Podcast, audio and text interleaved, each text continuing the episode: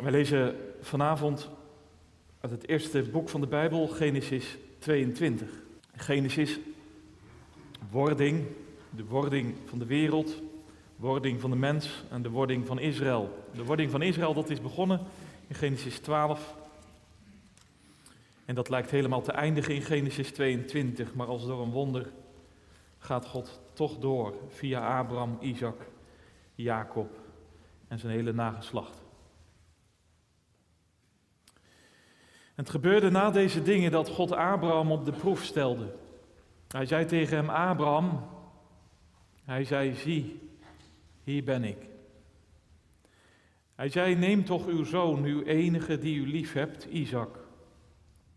Ga naar het land Moria en offer hem daar als brandoffer op een van de bergen die ik u noemen zal.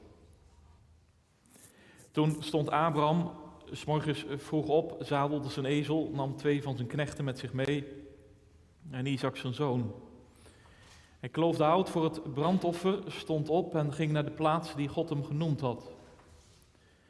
Op de derde dag sloeg Abraham zijn ogen op en hij zag die plaats in de verte. Abraham zei tegen zijn knechten: Blijven jullie hier met de ezel, dan zullen ik en de jongen daarheen gaan. Als wij ons neergebogen hebben, zullen we bij jullie terugkeren. Daarop nam Abraham het hout voor het brandoffer en legde dat op zijn zoon Isaac. Hij zelf nam het vuur en het mes in zijn hand. Zo gingen zij beiden samen. Toen sprak Isaac tot zijn vader Abraham en zei: Mijn vader. Hij zei: Zie, hier ben ik, mijn zoon. Hij zei: Zie, hier is het vuur en het hout, maar waar is het lam voor het brandoffer? Abraham zei: God zal zichzelf voorzien van het lam voor het brandoffer, mijn zoon. Zo gingen zij beiden samen. En ze kwamen op de plaats die God hem genoemd had. Abraham bouwde daar het altaar, schikte het hout erop, bond zijn zoon Isaac en legde hem op het altaar bovenop het hout. Toen strekte Abraham zijn hand uit en nam het mes om zijn zoon te slachten. Maar de engel van de Heer riep tot hem vanuit de hemel en zei: Abraham, Abraham. Hij zei: Zie, hier ben ik. Toen zei hij: Steek uw hand niet uit naar de jongen en doe hem niet, want nu weet ik dat u Godvrezend bent en uw zoon, uw enige, mij niet onthouden hebt. Toen sloeg Abraham zijn ogen op en keek om en zie, achter hem zat een ram met zijn horens verstrikt in het struikgewas.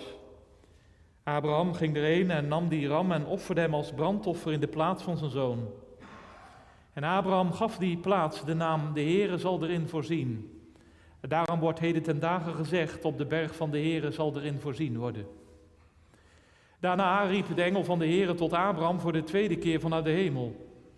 Hij zei, ik zweer bij mijzelf, spreek de Heere, omdat u dit gedaan hebt en mij uw zoon, uw enige, niet onthouden hebt, zal ik u zeker rijk zegenen en uw nageslacht zeer talrijk maken als de sterren aan de hemel en als het zand dat aan de oever van de zee is. Uw nageslacht zal de poort van zijn vijand in bezit nemen. En in uw nageslacht zullen alle volken van de aarde gezegend worden, omdat u mijn stem gehoorzaam geweest bent. Daarna keerde Abraham terug naar zijn knechten. Ze stonden op en gingen samen naar Beersheba. En Abraham bleef in Beersheba wonen. Dit is het woord van God. De spits van de preek, als dit hele hoofdstuk ook wel zal meeklinken in de preek, is vers 14. En Abraham gaf die plaats de naam de Heere zal erin voorzien. En daarom wordt heden ten dagen gezegd, op de berg van de Heere zal er in voorzien worden. We zijn aangekomen bij de tiende leerdienst over de voorzienigheid van God. In zondag 10 lezen wij de beleidenis van onze kerk, de Heidelbergse Catechismus, zondag 10.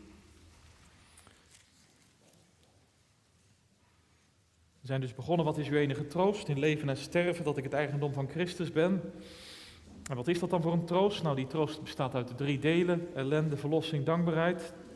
Het onderdeel van de ellende hebben we met elkaar ehm, behandeld. Nu het onderdeel van de verlossing. En we zijn aangekomen bij de bespreking van de twaalf artikelen. Een theoloog zei, die twaalf artikelen zijn als twaalf touwen, die elke keer als die twaalf artikelen worden beleden, twaalf touwen naar beneden worden gelaten. Ook in de kerk vanavond weer, hè, om al die touwen aan gaan hangen. Twaalf beloften van God. Um, en het eerste artikel gaat dan over God de Vader en onze schepping. We hebben daarover gehoord in zondag 9, maar daar horen we ook over in zondag 10. Wat verstaat u onder de voorzienigheid van God? De almachtige en alomtegenwoordige kracht van God, waarmee hij hemel en aarde met alle schepsel als door zijn hand nog onderhoudt en zo regeert, dat loof en gras, regen en droogte, vruchtbare en onvruchtbare jaren, spijs en drank, gezondheid en ziekte, rijkdom en armoede, ja alle dingen ons niet bij toeval, maar uit zijn vaderlijke hand toekomen. Waarom is het voor ons van nut te weten dat God alles geschapen heeft en nog door zijn voorzienigheid onderhoudt? Opdat we in alle tegenspoed geduldig, in voorspoed dankbaar mogen zijn en in alles wat ons nog overkomen kan, ons verlaten op onze getrouwe God en Vader, in de zekerheid dat geen schepsel ons van zijn liefde scheiden zal, omdat alle schepselen zo in zijn hand zijn dat ze zich tegen zijn wil niet roeren of bewegen kunnen. Schrijven boven de preek Vader voorziet. En in drie stappen wil ik eh, daar vanavond met u over nadenken. Gods voorzienigheid beleden en bestreden. Gods voorzienigheid beproefd vanuit Genesis 22 en Gods voorzienigheid gebleken. Ook vanuit Genesis 22 en uiteraard klinkt zondag 10 daar helemaal in mee. Ja, gemeente, uw macht is groot. Uw trouw zal nooit vergaan. Al wat u ooit beloofd hebt, het zal bestaan. Dat zongen wij. Een mooie psalm, een schitterend lied, een diepe geloofsbeleidenis. Maar vertel eens, hoe heb je dit nou zojuist meegezongen? Ik hoop eigenlijk dat je met je mond de woorden zojuist meezong, maar dat je hart er ook helemaal in meekwam. Dit is je rotsvaste geloof, dit is je vuurvaste beleidenis. Gods macht is groot, zijn trouw vergaat nooit. Alles wat hij belooft, het zal worden vervuld. Maar ja, het kan ook anders. Je zong het vanavond wel mee, maar al die beelden uit Gaza en Israël, al die berichten uit Oekraïne en Rusland en op zoveel plaatsen meer, al dat nieuws vol ellende. Het spookt allemaal rond in je hoofd en dan ook nog je eigen leven. Het kan zo stormen, er kan zoveel je neerdrukken, die zorg, die ziekte, die pijn, die wond, het waart allemaal rond in je hart. En je dacht zojuist al zingend mooie woorden, maar waar zie ik dan Gods macht? En waar blijkt dan zijn trouw? Doet God eigenlijk wel wat hij belooft? Nou, zondag 10 zegt ja. Daar kun je echt van op aan. Gods macht en trouw zijn onwankelbaar.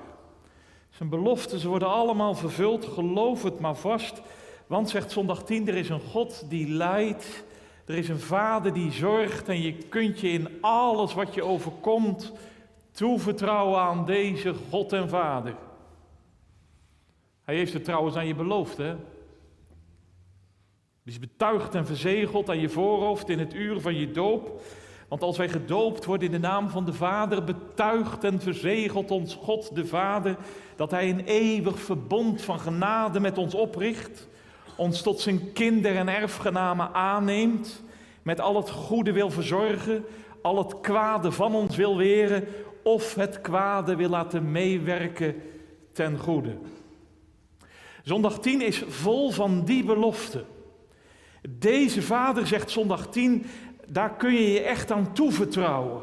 In alles wat je overkomt. Want hij heeft beloofd voor je te zorgen in al de tijden en perioden van je leven. Wat een geweldige zondag, vind je niet? Nee, begrijp me goed, de Heidelberger zegt dit niet allemaal vanuit een luie strandstoel. En de Heidelberger poetst in deze zondag de ellende uit het leven en in deze wereld ook niet weg. Ver van dat.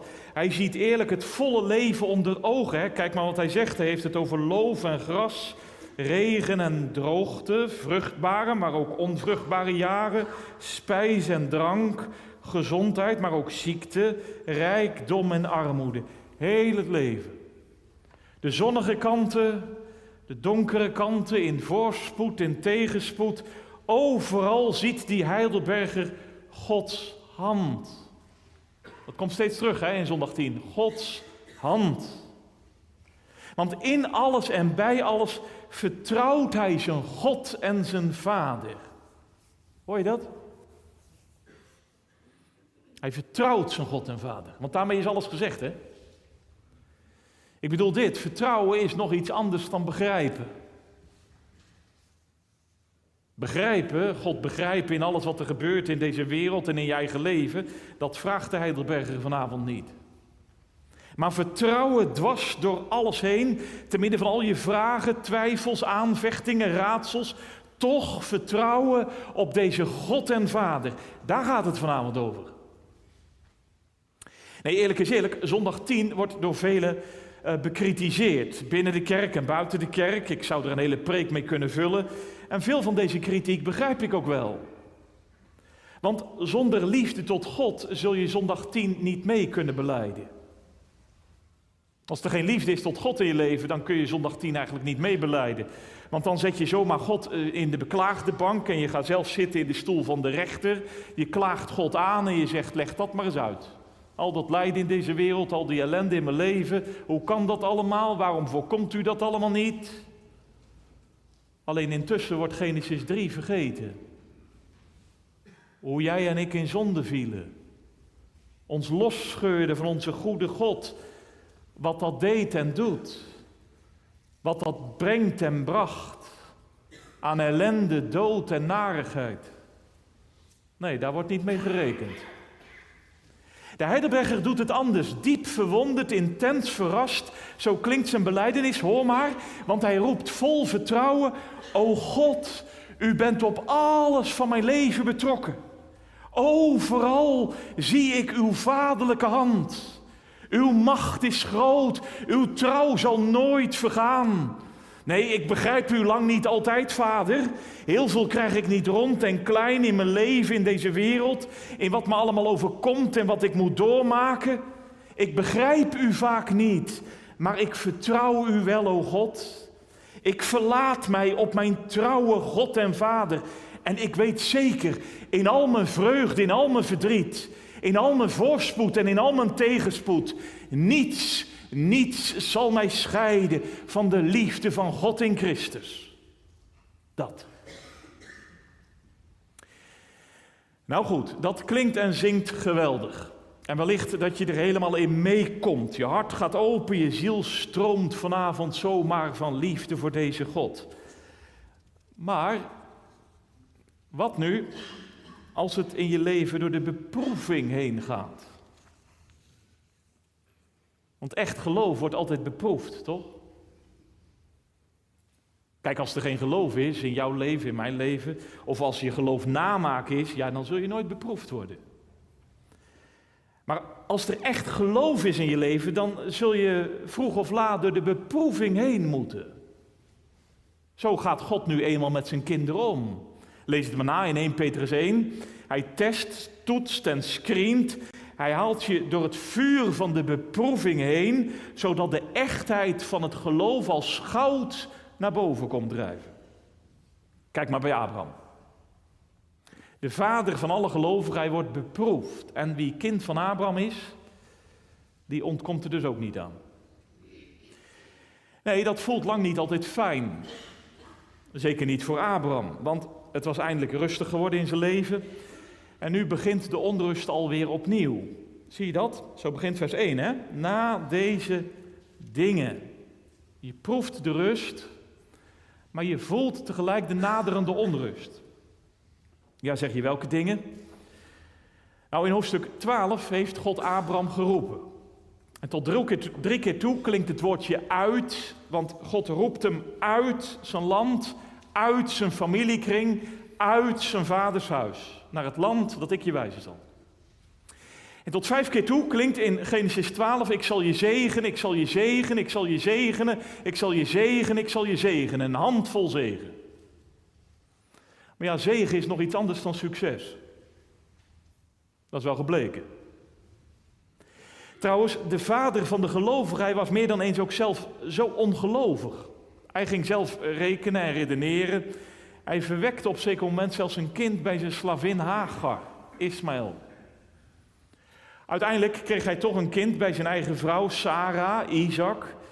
Maar door al dat ongeloof van Abraham kwam er herrie in zijn tent. Het resultaat, Genesis 21.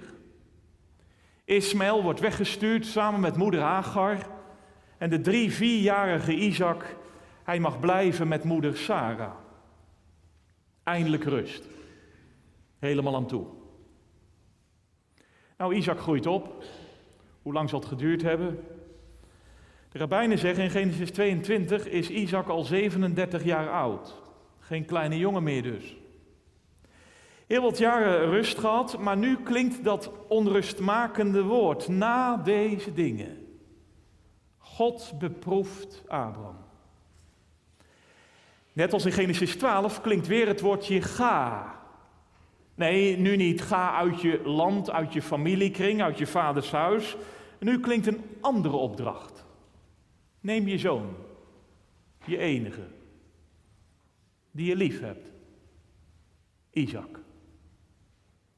Hij die jou deed lachen. En ga naar het land Moria. Waarom? Waarvoor?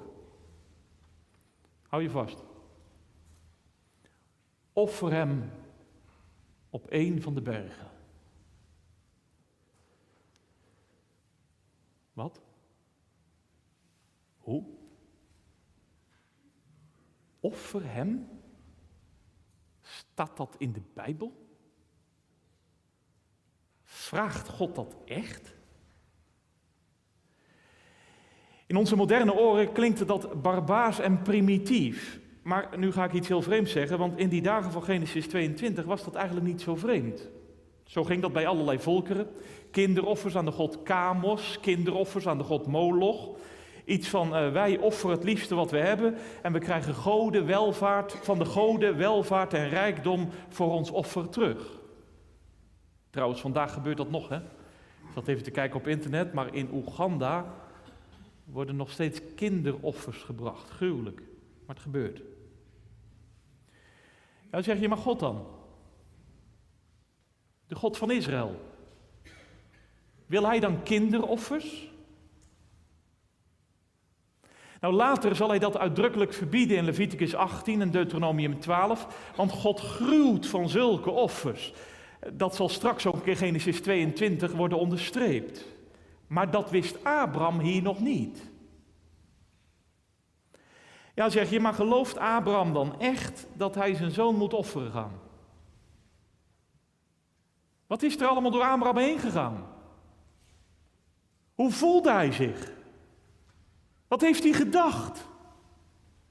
Het wordt niet gezegd. Over gevoelens, over gedachten, daar zwijgt Genesis 22 over. Alleen, weet je wat me enorm opviel? Abraham is heel bereidwillig. Want er drie keer toe zegt hij in dit hoofdstuk: Zie, hier ben ik. In vers 1 zegt hij tegen de Heer. In vers 7 zegt hij tegen Isaac. In vers 11 zegt hij tegen de engel: Zie, hier ben ik. Maar ja, dan blijft het natuurlijk toch nog wel wringen. Hè? Want zo'n opdracht is toch niet te verkroppen? Trouwens, God had tegen Abraham gezegd: Abraham, kom eens naar buiten, tel de sterren. 1, 2, 3. Ja, kun je ze tellen? Nee, niet te tellen. Nou, zo groot wordt je nageslacht. En alle volkeren zullen in jou gezegend worden, Abraham, tot in Nederland toe. Dat had God beloofd. En het had lang geduurd voor hij iets van die belofte zag. Jarenlang wachten, jarenlang hopen. Alles liep vast en dood. Maar God opent de schoot van Sarah als door een wonder. Abraham en Sarah, ze ontvangen toch een kind. Isaac, hij die doet lachen. Nou, ze mochten samen zingen en zeggen: Gods macht is groot. Zijn trouw vergaat nooit. Alles wat hij belooft, het zal bestaan. Maar nu dan? Offer je zoon. Hoe kan God dat nou vragen? Want als Isaac sterft, dan is de toekomst dood. Er komt er geen nageslacht, zoals de sterren aan de hemel. Dan zullen al de volkeren in Abraham niet gezegend worden. Dan is alles gewoon over en uit. Dan is alles klaar en af. Voel je die spanning? Want dat is de spanning van zondag 10. In alles wat je overkomt, je verlaten op de trouwe God en Vader. Ja, ja, ja, ja. Die woorden staan keurig netjes opgeschreven. Keurig. Maar als het er nou echt op aankomt. Als het nou echt in ons leven door de beproeving heen gaat. Hoe doe je dat dan? Je verlaten op God. Hoe gaat dat dan? De Heer in alles vertrouwen. Nou, kijk vanavond naar Abraham. Leer het van zijn God. Want Abraham, hij begrijpt God niet, maar hij vertrouwt God wel. Zie je dat? Uh, Genesis 22, vers 12 zegt, hij vreest de Heer. Dat betekent, hij heeft een diep ontzag voor zijn God. Hij heeft een intense liefde voor de Heer. Hij leeft in een diepe eerbied voor hem, ook nu. Hij zadelt zijn ezel. Hij gaat drie dagen onderweg. Ze komen bij de berg Moria. Vers 4 zegt, Abraham slaat zijn ogen op. Staat natuurlijk niet voor niets. Want hij heeft in die drie dagen, dat, dat wil de Bijbelschrijver daar dus mee aangeven, naar beneden gekeken. Helemaal neergeslagen. Offer je zoon. Drie dagen lang. Drie dagen? Ja. De rabbijnen zeggen het is dus geen opwelling. Hij heeft het herhaaldelijk in die dagen overwogen. Het ging heen en weer in zijn hoofd en hart. Mijn zoon offeren, zal het echt moeten? Ja, nee, ja, nee, ja, nee, ja, nee. Helemaal opgesloten in zijn eigen gedachten en vragen. Maar nu slaat hij zijn ogen op. En hij zegt tegen zijn knechten: Blijven jullie hier maar met de ezel. Ik en de jongen zullen daarheen gaan. En als we neergebogen hebben, dan zullen wij bij jullie terugkeren. Abraham, je liegt het. Je liegt het. Hoe kun je dat nou zeggen? Wij gaan heen, wij keren terug. Dat is helemaal niet waar. Wij gaan heen en ik keer straks terug. Dan ben je eerlijk, Abraham. Zeg nou gewoon tegen je knechten: Ik moet mijn zoon offeren, jongens. Stop, wacht, stil. Handeling voor handeling wordt nu genoemd. Heel wat handelingen die hier staan, zou je van kunnen zeggen, dat is allemaal overbodige informatie natuurlijk. Maar zo staat het er niet voor niet. De schrijver laat je, als je dit leest, de vertraging meevoelen. Je voelt elke handeling, moet het echt, oh God? Kan het niet anders? Moet het zo, mijn God? Vers 9 en 10 vertelt in trage tred, Abraham bouwt een altaar. Hij schikt het hout. Hij bindt zijn zoon. Hij legt hem op het altaar. Boven op het hout. Hij strekt zijn hand uit. Hij neemt het mes om zijn zoon te slachten. Nog even en Abraham heeft helemaal niets meer. Zijn toekomst weg, zijn zoon weg, alles eindigt hier in de dood.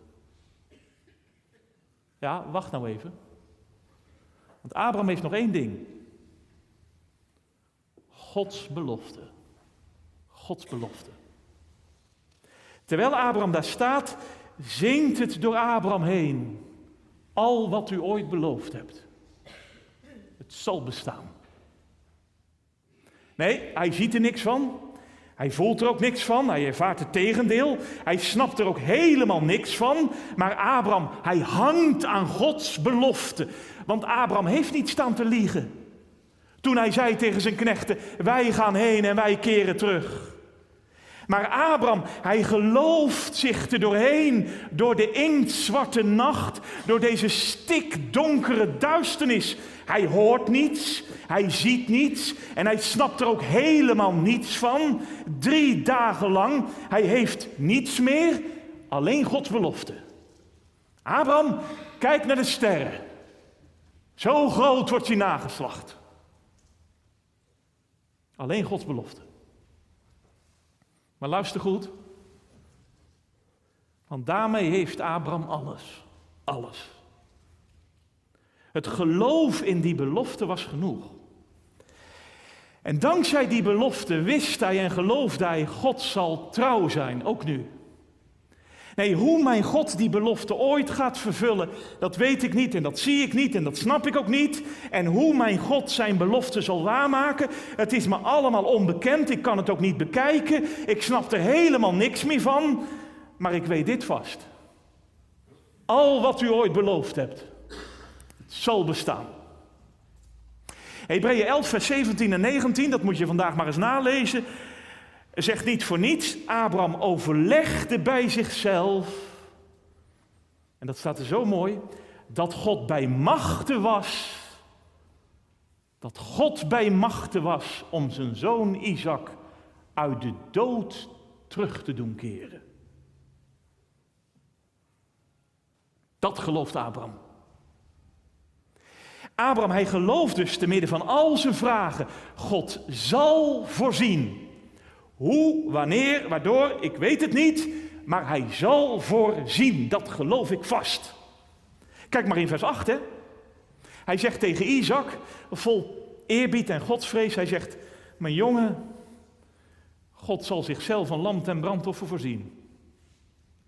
Want mijn God heeft tegen mij gezegd, ik zal zegenen, ik zal zegenen, ik zal zegenen, ik zal zegenen. Alle volkeren zullen jou gezegend worden. Dat heeft mijn God beloofd. En mijn God kan niet liegen, Isaac. Dat geloof ik vast zonder dat ik er iets van zie. Dat. Nou gemeente, mag ik dan nu eens vragen. Is deze Abraham je vader? Wie is je vader? Ja, wie is je vader? Ja, is deze Abraham je vader? Want zondag 10 kun je alleen meebeleiden als Abraham je vader is. Vertel dan eens, is Abraham je vader? Ik bedoel dit, heb je dit geloof? Ja, zeg je welk geloof? Nou, het geloof dat hangt aan Gods belofte. Want in het uur van je doop is het gezongen, het verbond met Abraham zijn vriend. Hij bevestigt het van kind tot kind. God heeft het beloofd. Hij heeft het verzegeld. Hij heeft je de garantie erbij gegeven. En hij heeft gezegd, mijn kind, ik zal als een vader voor je zorgen hoor. Ik zal al het kwaad van je weren of ik zal het laten meewerken ten goede. Die belofte mag je gewoon aan gaan hangen. Daar mag je je leven ook vanavond helemaal in wegleggen. Ja, zeg je, hoe gaat dat? Nou, dat gaat zo. Dan zeg je vanavond voordat je naar bed gaat, of vanavond op die bank waar je zit, vader, u hebt het toch gezegd? U hebt mij toch bij mijn naam geroepen? U hebt dat toch niet gelogen? Zie, hier ben ik.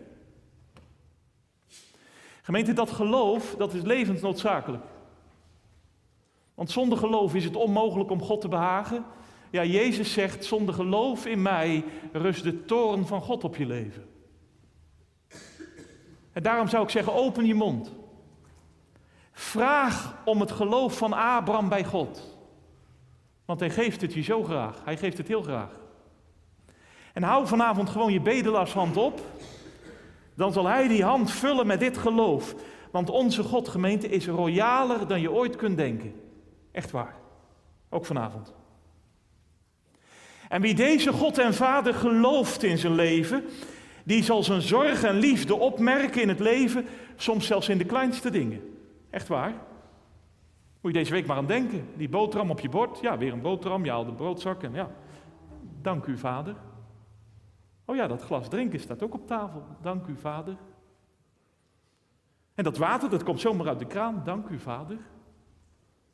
En dat ik energie heb om te werken. Dank u, vader. En dat ik talenten krijg om te studeren. Dank u, vader. En dat maandelijks dat loon op de rekening komt. Dank u, vader. Die glimlach van je geliefde. Dank u, vader. Die zorg in het ziekenhuis. Dank u, vader. Gemeente, eh, zou, zouden we dat niet gewoon doen deze week? aan het eind van elke dag ga je gewoon even op de bank zitten. Doe je even al die schermen zo uit. En dan schrijf je alles voor jezelf op waarin je zag, mijn vader zorgt, mijn vader zorgt, mijn vader zorgt. Oh ja, daar heeft hij ook gezorgd vandaag en daar heeft hij gezorgd. Ik weet zeker, dan zul je zo verwonderd raken. Dat God de Vader maar bezig is in je leven om die doopbelofte te vervullen.